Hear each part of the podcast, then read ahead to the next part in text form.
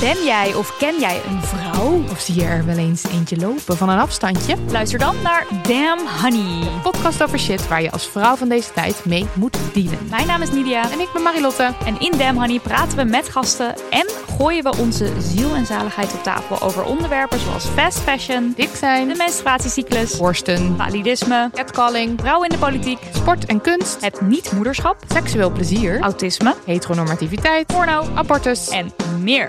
Elke zaterdag in je podcastfeed.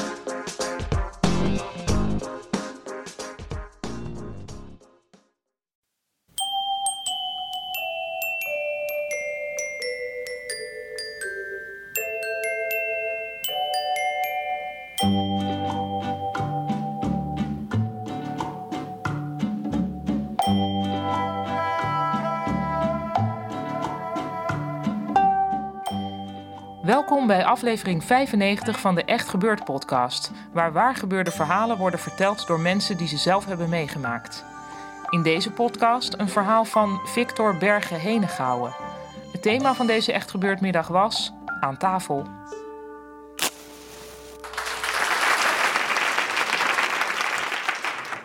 Het is 1978, ik ben 15 jaar en ik woon in Zuid-Limburg bij mijn ouders. En samen met mijn broer, mijn debiele broer Hugo. Die eh, is vier jaar ouder dan ik, heeft een eh, niveau van een kind van vijf. Hij is er altijd geweest en voor mij is hij mijn broer, niet meer en niet minder. Mijn vader is een hele Norse, boze man. Ehm, hij dacht dat hij rijk was, maar toen bleek dat zijn vader het geld toch had opgemaakt. Hij dacht dat hij kunstenaar was, maar dat lukte niet. Is toen eh, tekenleraar geworden, maar had niks met kinderen. En dat was mijn vader. Ehm, mijn moeder was misschien nog wel erger. Kennen jullie eh, dat programma ehm, Keeping Up Appearances? Dat was mijn moeder. Zij, eh, als wij bijvoorbeeld bezoek hadden gehad thuis en iemand had gerookt en eh, het bezoek was weg, dan klom zij op een stoel met de stofzuiger, legde een eh, doekje met eh, lavendelolie op de uitlaat van de stofzuiger en ging dan de rook wegzuigen.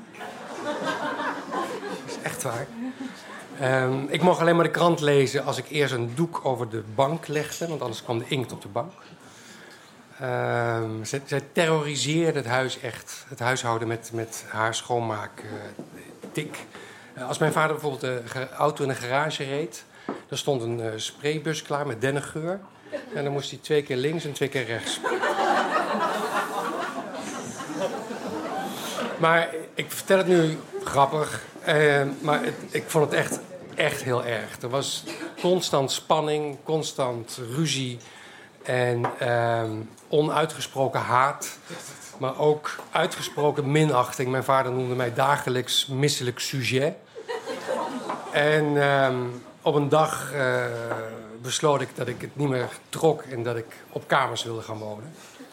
Maar als je 15 bent, geen geld verdient, geen werk hebt, geen rekening hebt, en dan is op kamers wonen is, is een enorme opgave. Eh, je weet niet hoe dat, hoe, dat moet. Ehm, ik had wel, als ik naar school fietste, had ik een, pand gezien waar eh, een Blijf van mijn Lijf huis was. En een ehm Rutger Stichting en nog wat. Het is 1978, hè. Dus, dus, eh, drie vrouwen gaan breien op de, op de heikruissubsidie en eh, alles was er. En er was ook een jongere SOS. En ehm, ik had gehoord dat je daar naartoe kon gaan en hulp kon krijgen. En ik ben daar naartoe gegaan.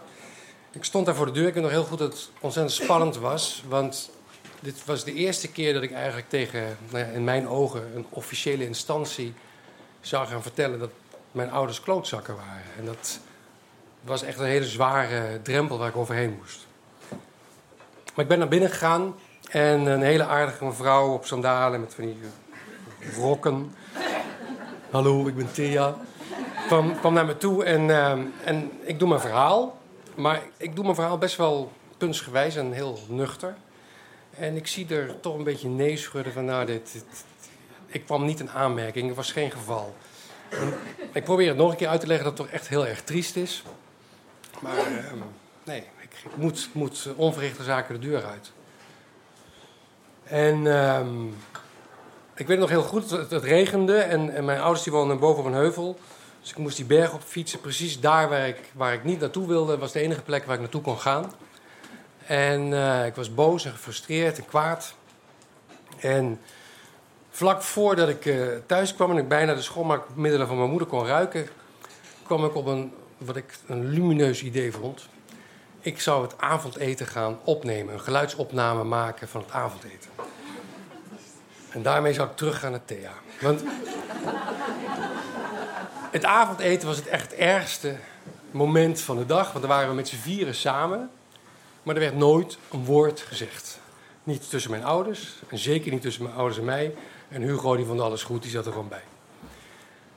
Dus die avond heb ik met, een, met zo'n cassette recorder op mijn schoot, met zo'n zo'n zwarte microfoon op tafel, heb ik het avondeten opgenomen. Ik weet niet hoe lang het duurde, kwartier, twintig minuten, hoorde je alleen maar bestek. En uh, dag daarna ben ik teruggegaan naar Thea. En ik heb het laten horen.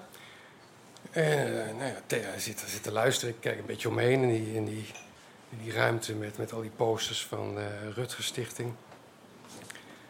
En op een gegeven moment zegt Thea, nou ja, um, ja ik snap het wel. Ik, ik zal je helpen, maar je moet toch eerst nu nog een keer naar je ouders gaan en dat, en dat gaan zeggen dan allemaal. Dus de volgende barrière die ik over moet, ik weer terug naar huis. En ik, uh, nou, ik ben ook, ook, daar wel bang om het te zeggen. Dus ik vertelde het tegen mijn ouders. Mijn vader die wordt kwaad en die loopt boos weg. En mijn moeder begint me direct te chanteren. Want uh, ze zegt, ja Hugo, je broer, die, hè, je, je, kunt nu nog twee, drie jaar thuis wonen. Want als je, als je straks klaar bent met de middelbare school, ga je toch studeren, ga je toch ergens anders wonen. En je hebt nu nog twee jaar of drie jaar dat je samen met hem kunt wonen. En um, ik weet dat ze mij chanteert. Ik weet dat ze het alleen maar gebruikt om te winnen. Maar ik vind ook dat ze een punt heeft. Want ik ga uiteindelijk mijn eigen leven leiden. En of het nou twee jaar later is of nu. Uh, die tijd met mijn broer Hugo zal ik, zal ik nooit meer terugkrijgen. En um, ik besluit om, om te blijven. Om uh, gewoon te wachten tot ik mijn eindexamen heb en uh, dat ik eindelijk ergens kan gaan studeren. Um, het avondeten is nooit meer leuk geworden, die twee jaar. Er is nooit echt een gesprek gekomen, er is nooit gelachen. Uh, later, toen ik in Amsterdam woonde en uh, met kerstmis naar huis ging, werd het er ook niet echt veel beter op. ruzies zijn het niet meer geweest in de, in de latere periodes, maar spanningen en stilte was het wel. Vier jaar geleden is mijn vader gestorven, toen werd het kerstdiner daarna al een stuk leuker. Um, maar nog steeds niet dat je zegt, we gaan ervoor. Afgelopen zomer is mijn moeder overleden. En um, deze komende kerst, volgende week, is de eerste keer dat mijn broer niet bij zijn vader of zijn moeder kerst gaat eten. Maar hij gaat het bij mij doen. En ik zal zorgen dat er een grote tafel is. Veel mensen. En iedereen praat met elkaar. En er mag heel hard gelachen worden.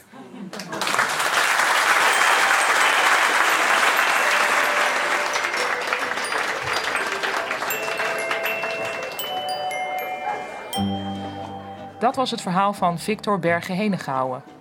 De Echt Gebeurd podcast wordt maandelijks opgenomen in Toemler onder het Hilton Hotel in Amsterdam.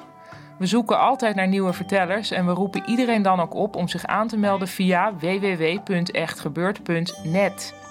Podiumervaring is niet belangrijk en je wordt geholpen bij het vertellen van je verhaal. Als je als publiek aanwezig wilt zijn, dat kan ook, maar pas weer na de zomer, namelijk in september. En de details staan wederom op www.echtgebeurd.net. De redactie van Echt Gebeurd bestaat uit Micha Wertheim, Eva Maria Staal en mijzelf, Paulien Cornelissen. Rosa van Toledo doet de productie en de techniek is in handen van Nicolaas Vrijman. Dat was het weer. Mocht je ertoe in staat zijn, je kunt ons helpen door deze podcast in iTunes te reten. Als je niet weet wat reten is, laat dan maar. Dan zouden we graag willen dat je je volgende familiediner opneemt op een cassettebandje en ermee naar een sociaal werkster gaat. Tot de volgende podcast.